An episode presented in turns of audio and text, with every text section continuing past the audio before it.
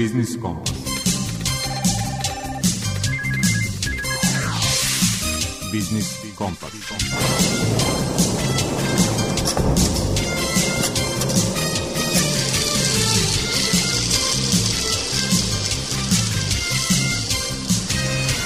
Pred mikrofonom je Đuro Vukilić. Dobar dan, poštovani slušalci.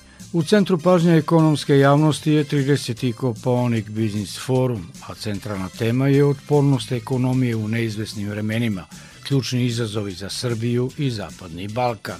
Na to pitanje od 5. do 8. marta kroz 40 panela i sesija i specijalnih događaja pokušao da odgovori oko 200 govornika. O ovogodišnjem Koponik Biznis forumu i glavnoj temi više u rubrici Aktuelno.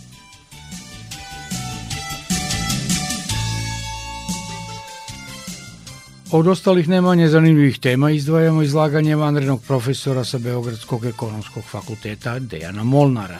On će u rubrici Zmog Google govoriti o aktuelnim kretanjima na tržištu nekretnina.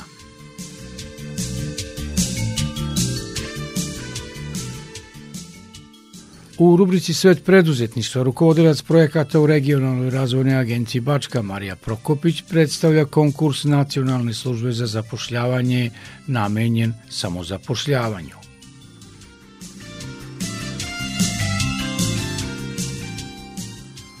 Tema rubrike Predmet financije je osiguranje od povreda, posebno onih koje se događaju na sada aktuelnom skijanju. U kojim slučajevima ste pokriveni polisom od nezgode, objasnit će vam u rubrici Predmet financije supervizor u sektoru za nadzor delatnosti osiguranja u Narodnoj banci Branislava Vidaković.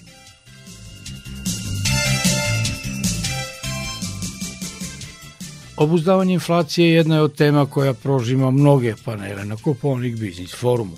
Pravni savjetnik u Udruženju za zaštitu potrošača Vojvode Mladen Alfirović Međutim, upozorava da je inflacija neretko i samo dobar izgovor proizvođačima i trgovcima da bezrazložno podignu cene. Toliko u uvodu sledi muzička pauza.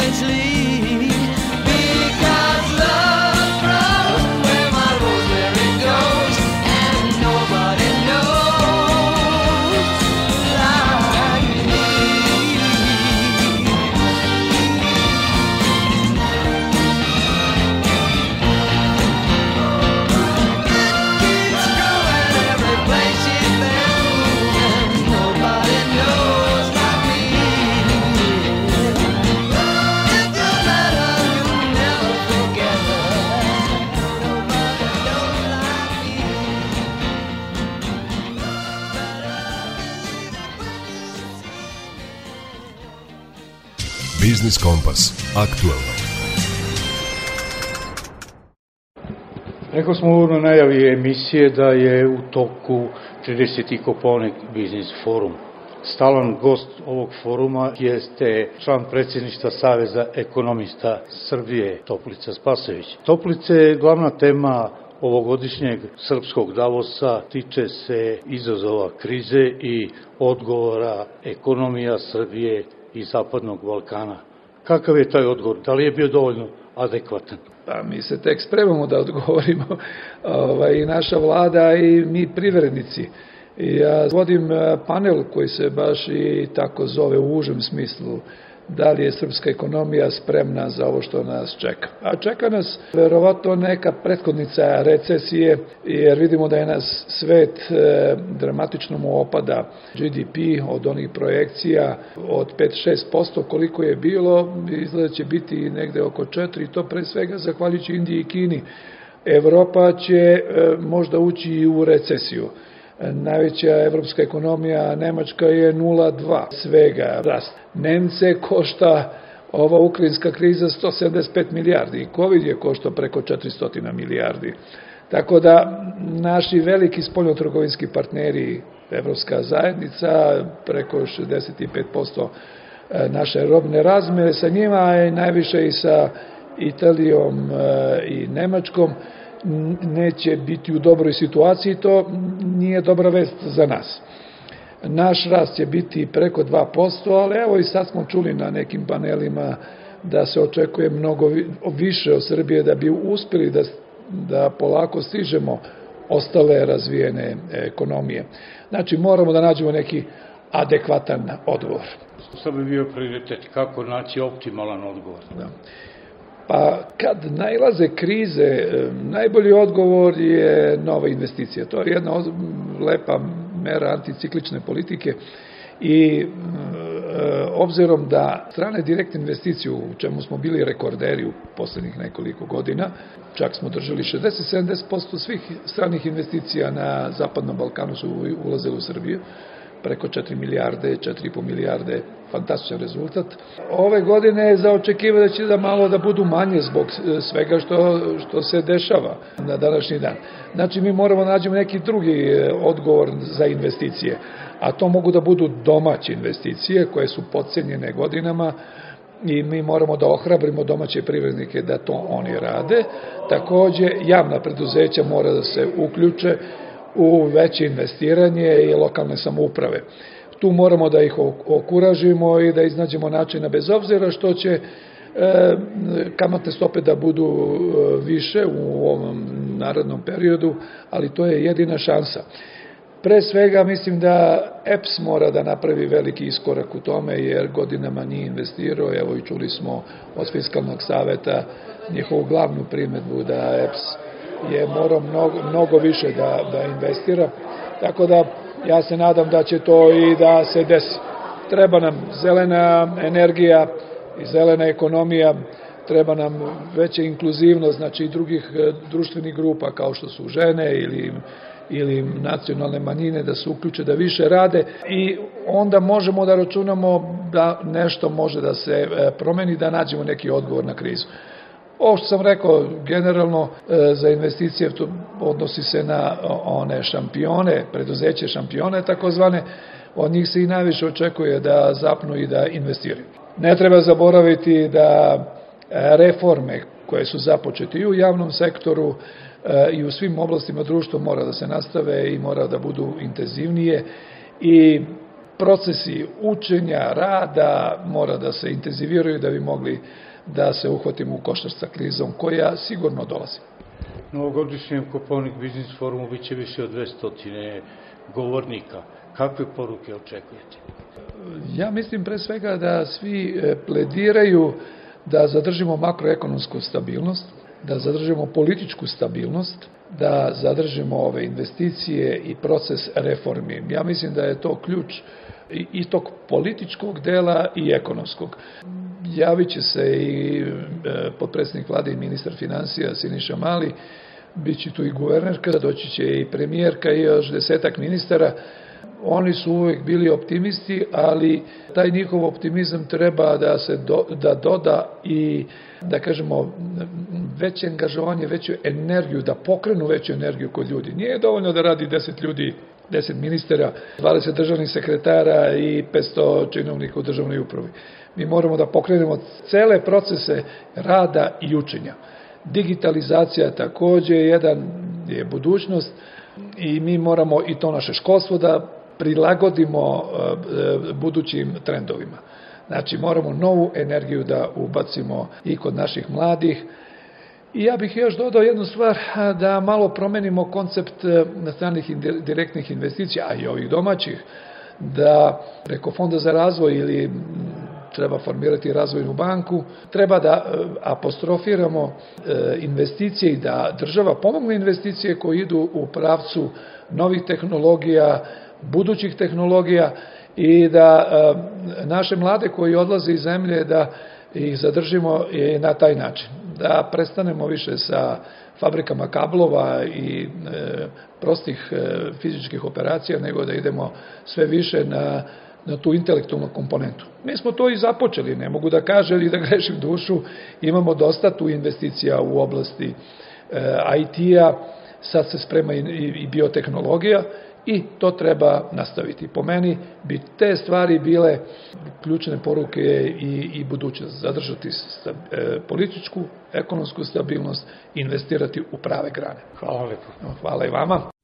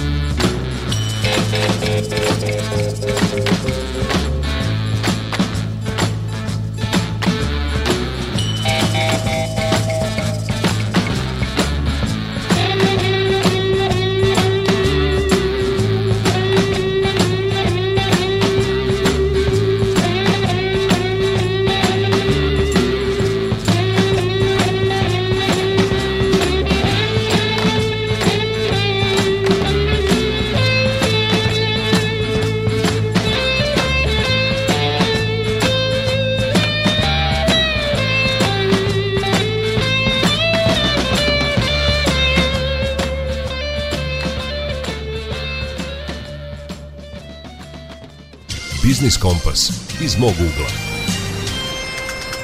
Tržište nepokretnosti u našoj zemlji tokom poslednjih godina karakteriše izuzetna otpornost kao i konstantan rast tražnje za svim vrstama nepokretnosti, počevši od zemljišta, stanova, kuća, poslovnog prostora, čak i garaža ocenjuje u osvrtu na aktualno stanje tržišta nekretnina u Srbiji vanredni profesor ekonomskog fakulteta u Beogradu Dejan Molnar. Čini se da su nepokretnosti koje se u Srbiji smatraju najkonzervativnijom vrstom imovine tretirane kao relativno siguran oblik ulaganja, pa je prisutan trend rasta broja i vrednosti transakcija na ovom tržištu. Recimo, ukoliko uporedimo prošlu 2022. godinu sa godinom pre pandemije 2019.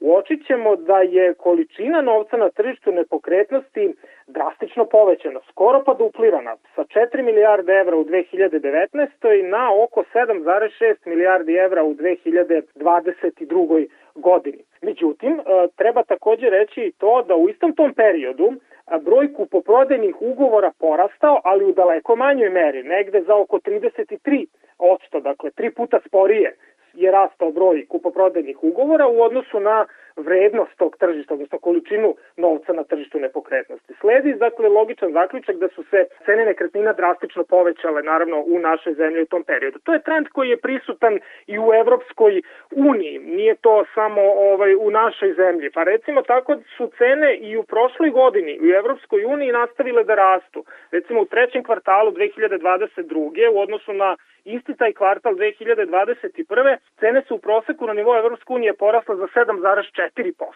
U Srbiji su, na primjer, otprilike u tom periodu cene rasle i više, negde oko 11,7%. Tako da možemo reći da u našoj zemlji to više nego što je prosek Evropske unije. U zemljama članicama Evropske unije koje se izdvajaju, recimo po visini rasta cena su recimo Estonija sa 24%, Litvanija sa 19%, Mađarska sa rastom cena 21%, recimo Slovenija 15%, Hrvatska 15% i tako dalje.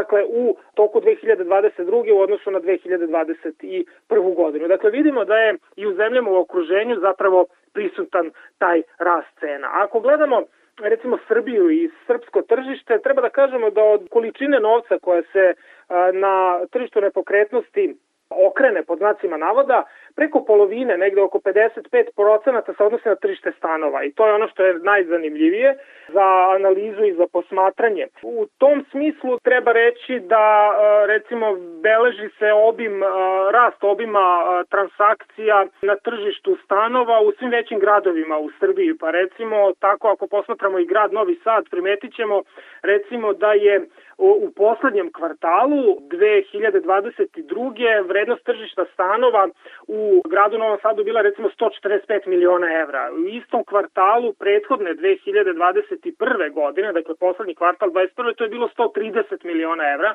što znači da imamo jedan rast od nekih 12 procenata Ovaj, šta tu možemo da takođe zaključimo ako poredimo rast u 21. u odnosu na 20. taj rast je bio veći, dakle 30%. Opada polako taj rast. Dakle, ono što se primećuje na tržištu stanova jeste da rast i dalje postoji, tog tržišta, ali da on polako usporava.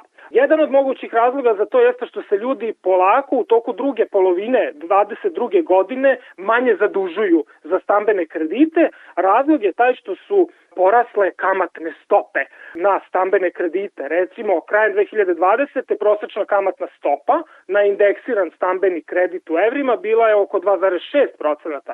Danas je to a, već 5,4%, dakle više nego su duplirane ove kamatne stope na stambene kredite i logično je da se dakle u drugoj polovini godine kako su kamatne stope počele da rastu, ljudi daleko manje zadužuju, pa je taj izvor tražnje barem nešto manje. Ono što je primetno ipak i što je vredno pomena i važan neki zaključak bi tu mogao da se izvede, jeste da uprkos tome što polako usporava taj broj kupoprodajnih ugovora, što otprilike obim tog tržišta izražen u količini novca polako kreće da usporava, prisutan je i dalje visok rast broja završenih stanova I ono što je takođe važno da primetimo jeste i visok rast broja izdatih građevinskih dozvola za stambene zgrade u novogradnji.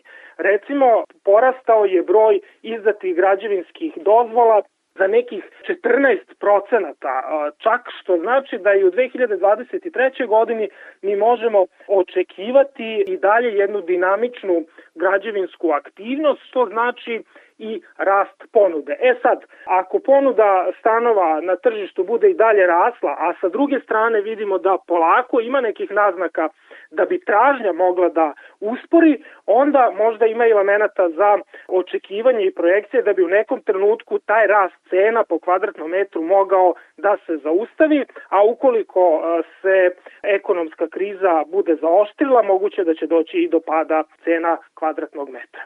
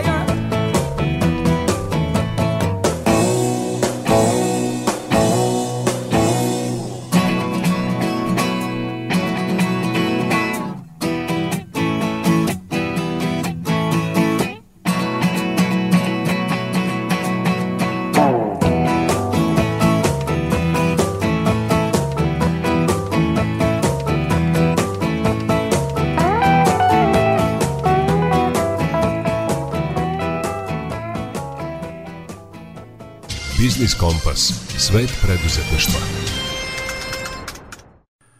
Rukovodilac projekata u regionalnoj razvojnoj agenciji Bačka Marija Prokopić najavit će u današnjem svetu preduzetništva konkurs Nacionalne službe za zapošljavanje namenjen samozapošljavanju osoba sa evidencije rada. Kome je namenjena subvencija? nezaposlenima koji se vode na evidenciji Nacionalne službe za zapošljavanje i imaju završenu obuku za razvoj preduzetništva. Iznos subvencije je 300.000 dinara, odnosno 330.000 dinara za nezaposlene osobe sa invaliditetom radi osnivanja radnje, zadruge ili drugog oblika preduzetništva, kao i osnivanja privrednog društva ukoliko osnivač zasniva u njemu radni odnos nezaposleni koji ostvari pravo na subvenciju u obavezi je da obavlja registronu delatnost i po tom osnovu izmiruje doprinose za obavezno socijalno osiguranje najmanje 12 meseci počevo dana od počinjanja obavljanja delatnosti. Isto tako, pravo na subvenciju se može ostvariti ukoliko se više nezaposlenih lica udruži radi osnivanja privrednog društva, ukoliko se više nezaposlenih udruži u skladu sa zakonom, svako lice pojedinačno podnosi zahtev za samozapošljavanje i ostvarivanje prava na subvenciju od 300.000, odnosno 330.000 dinara. Pre uključivanja u meru nacionalna služba svakako vrši prosmeru ispunjenosti zakonskih uslova i uslova ovog javnog poziva. Znači, kao što sam rekla, uslove da je lice evidentirano na nacionalnoj službi za zapošljavanje, da je završilo obuku iz preduzetništva koju realizuje nacionalna služba ili regionalne razvojne agencije, da je ispunilo ranije obaveze, izmirilo sva dugovanja prema nacionalnoj službi i da u dozvoljenom okviru opredeljenog iznosa za de minimis državnu pomoć u tekućoj fiskalnoj i prethodne dve fiskalne godine u skladu sa propisima za dodelu državne pomoći. Što se tiče dokumentacije i ostalih uslova, može se više videti na sajtu Nacionalne službe za zapošljavanje.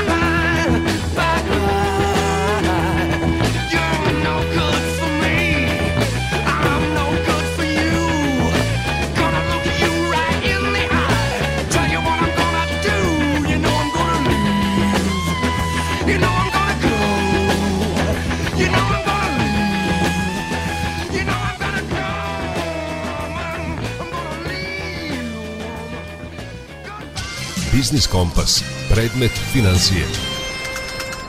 Mart je prvi prolećni, ali i mesec kada je skijaška sezona na vrhuncu. Nije stoga na odmet da znate i to koliko ste pokriveni osiguranjem u slučaju povreda na ski stazama. O tome u današnjoj rubrici Predmet financije govori viši supervizor u sektoru za nadzor delatnosti osiguranja u Narodnoj banci Branislava Vidaković. Osiguranje od nezgode je oblik osiguranja koje doprinosi ublažavanju posledica uzrokovanih nesrećnim slučajem, koje uzrokovao telesnu povredu ukupne premije neživotnih osiguranja učestvuje sa nešto više od 3,5 procenata i takođe nešto više od 500.000 zaključenih ugovora, pri čemu je tokom 2021. godine bilo osigurano blizu 15 miliona lica. Najčešće rizici koji se osiguravaju su narušeno zdravlje koje zahteva lečenje, prolazna sposobnost za rad, invalidnost i smrt zbog nezgode, odnosno, kako me kažemo, još i nesrećnog slučaja. Široka je lepeza proizvoda kojim se može ugovoriti osiguranje od nezgode, a svakako je fizičke povrede osiguranog lica. Tako imamo osiguranje lica od posledica nesrećnog slučaja i to pri obavljanju redovnog zanimanja, pri obavljanju posebnih delatnosti, osiguranja učenika i studenta, posebno osiguranja omladine, osiguranja gostiju, posetilaca priredbi, izletnika, turista od posledica nesrećnog slučaja, osiguranja potrošača, pretplatnika, obavezno osiguranje putnika u javnom prevozu od posledica nesrećnog slučaja, osiguranje korisnika usluga podučavanja skijanja od posledica nezgode i različite druga osiguranja od posledica nesrećnog slučaja. Konkretno, na primjer, povrede nastale uz bavljenja skijašnim sportom mogu se osigurati preko škole skijanja koja organizuje časove, svakako i samom kupovinom ski kartisa, odnosno ski pasa. Dakle, ski rizik se pokriva za polaznike časova skijanja i tada ugovarač osiguranja sama škola skijanja. U Srbiji sve škole skijanja mogu koristiti skijalište za podučavanje skijanju pod uslovima da imaju zaključen ugovor o osiguranju korisnika usluga podučavanja u skijanju od posledica nezgode. U toku 2021. godine bilo je 8831 osiguranih lica preko ovih škola. Osim toga, samom kupovinom ski karte u Srbiji, odnosno ski pasa, gde ugovarač osiguranja javno preduzeće skijališta Srbije, pojedinac stiče pravo na osiguranje od posljedice nesrećnog slučaja.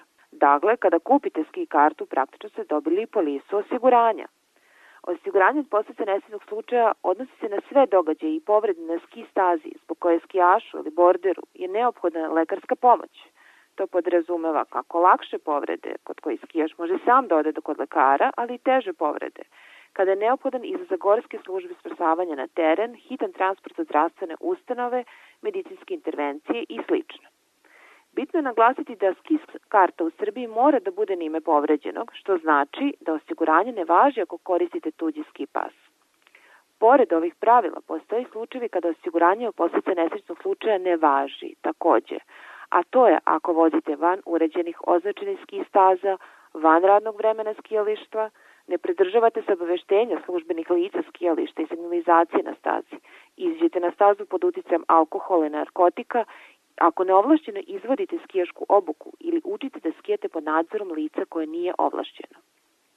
Nezavisno od navedenog, u slučaju odlaska u inostranstvo, građani mogu kupiti putno zdravstveno osiguranje, što mi preporučujemo, da se najčešće ski rizik posebno ugovara kao dopunski rizik i samim tim je cena osiguranja, odnosno premija, nešto viša. Kod kupovine putnog zdravstvenog osiguranja sa skim rizikom potrebno je obratiti pažnju na osiguranu sumu koja se odnosi na pokriće ovog rizika. U slučaju nezgode na skijenju na stranstvu, potrebno je postupiti po uputcima osiguravača. To najčešće podrazumeva poziv određenoj sistemskoj kompaniji koja će vas dalje uputiti i dati odgovarajuće instrukcije. Tako da ove osiguranje podrazumeva usluge neophodne pomoći koje se odnosi na organizaciju lečenja osiguranika, mere hitne medicinske pomoći, prevoz u zdravstvene ustanove ili zemlje prebivališta, kao i usluge putne i pravne asistencije i slično.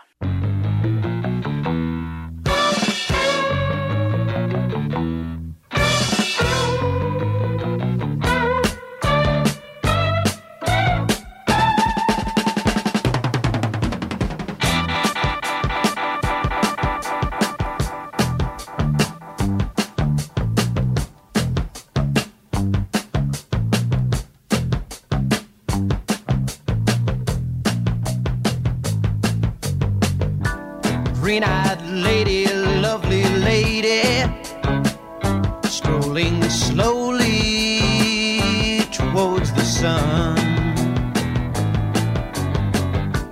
Green eyed lady, ocean lady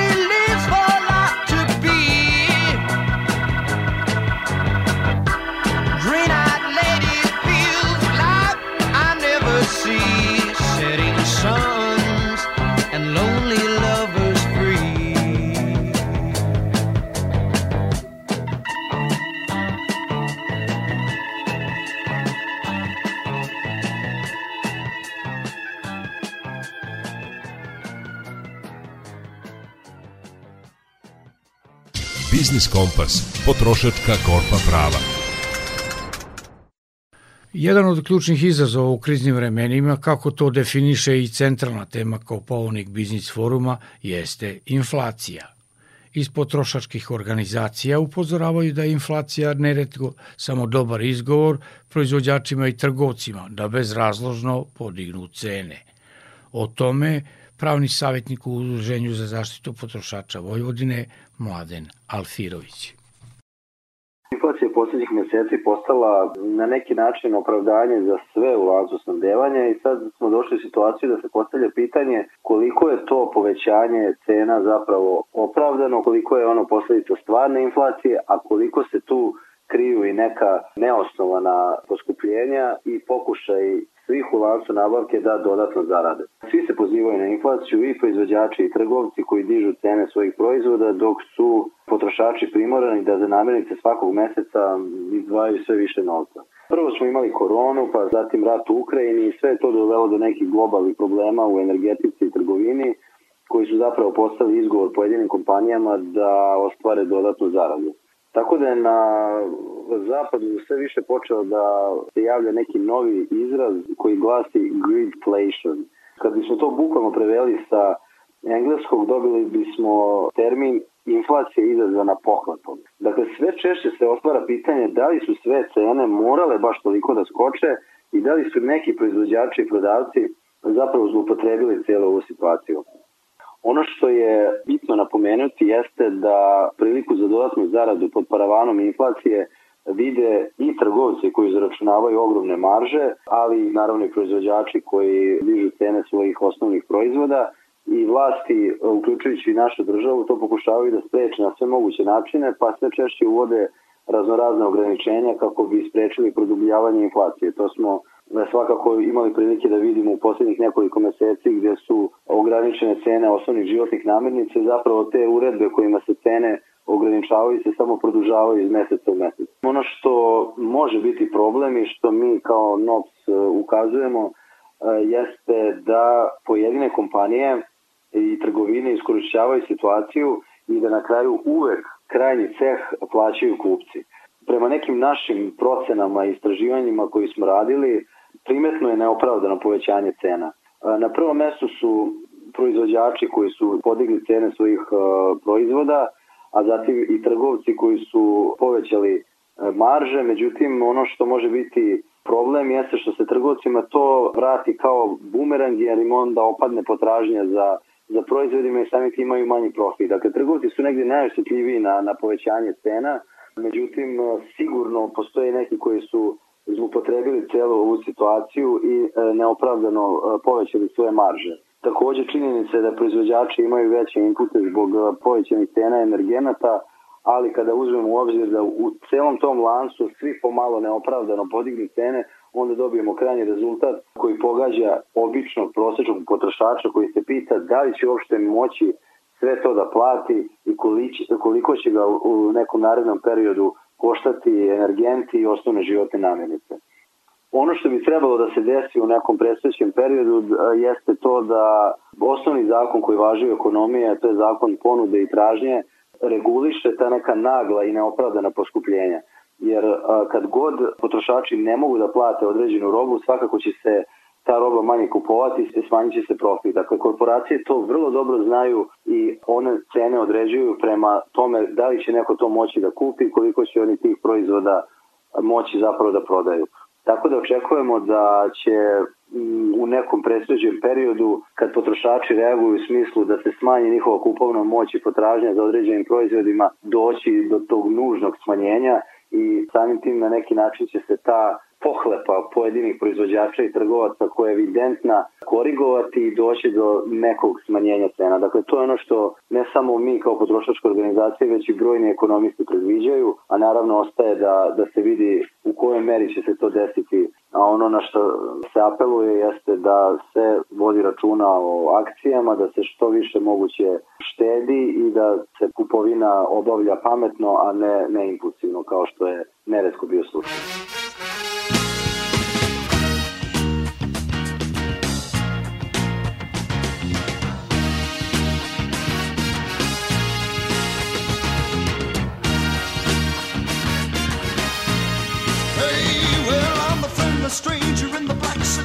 Want you hop inside my car.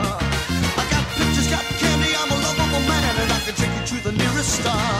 I'm your vehicle, baby. I'll take you anywhere you wanna go. I'm your vehicle, woman. By now I'm sure you know that I love you, that I need you, need you. I want you, got to have your child.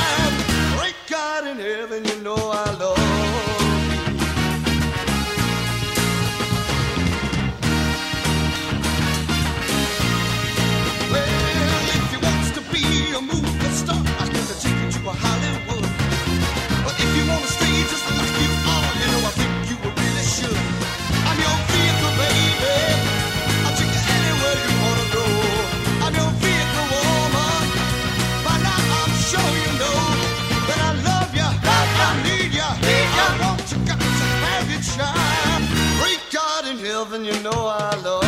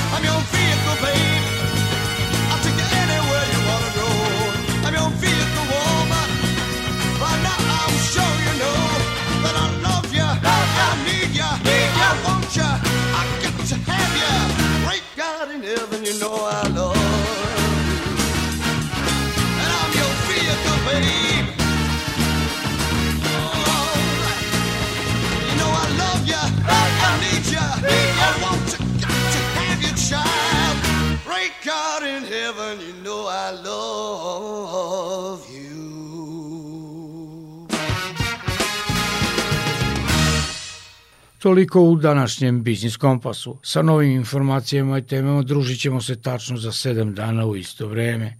Muzički urednik Zoran Gajinov, ton majstor Dalibor Vidović i urednik emisije Đuro Vukilić vam žele ugodan nastavak posle podneva uz Radio Novi Sad. Zdravi bili i čuvajte se. Thank you.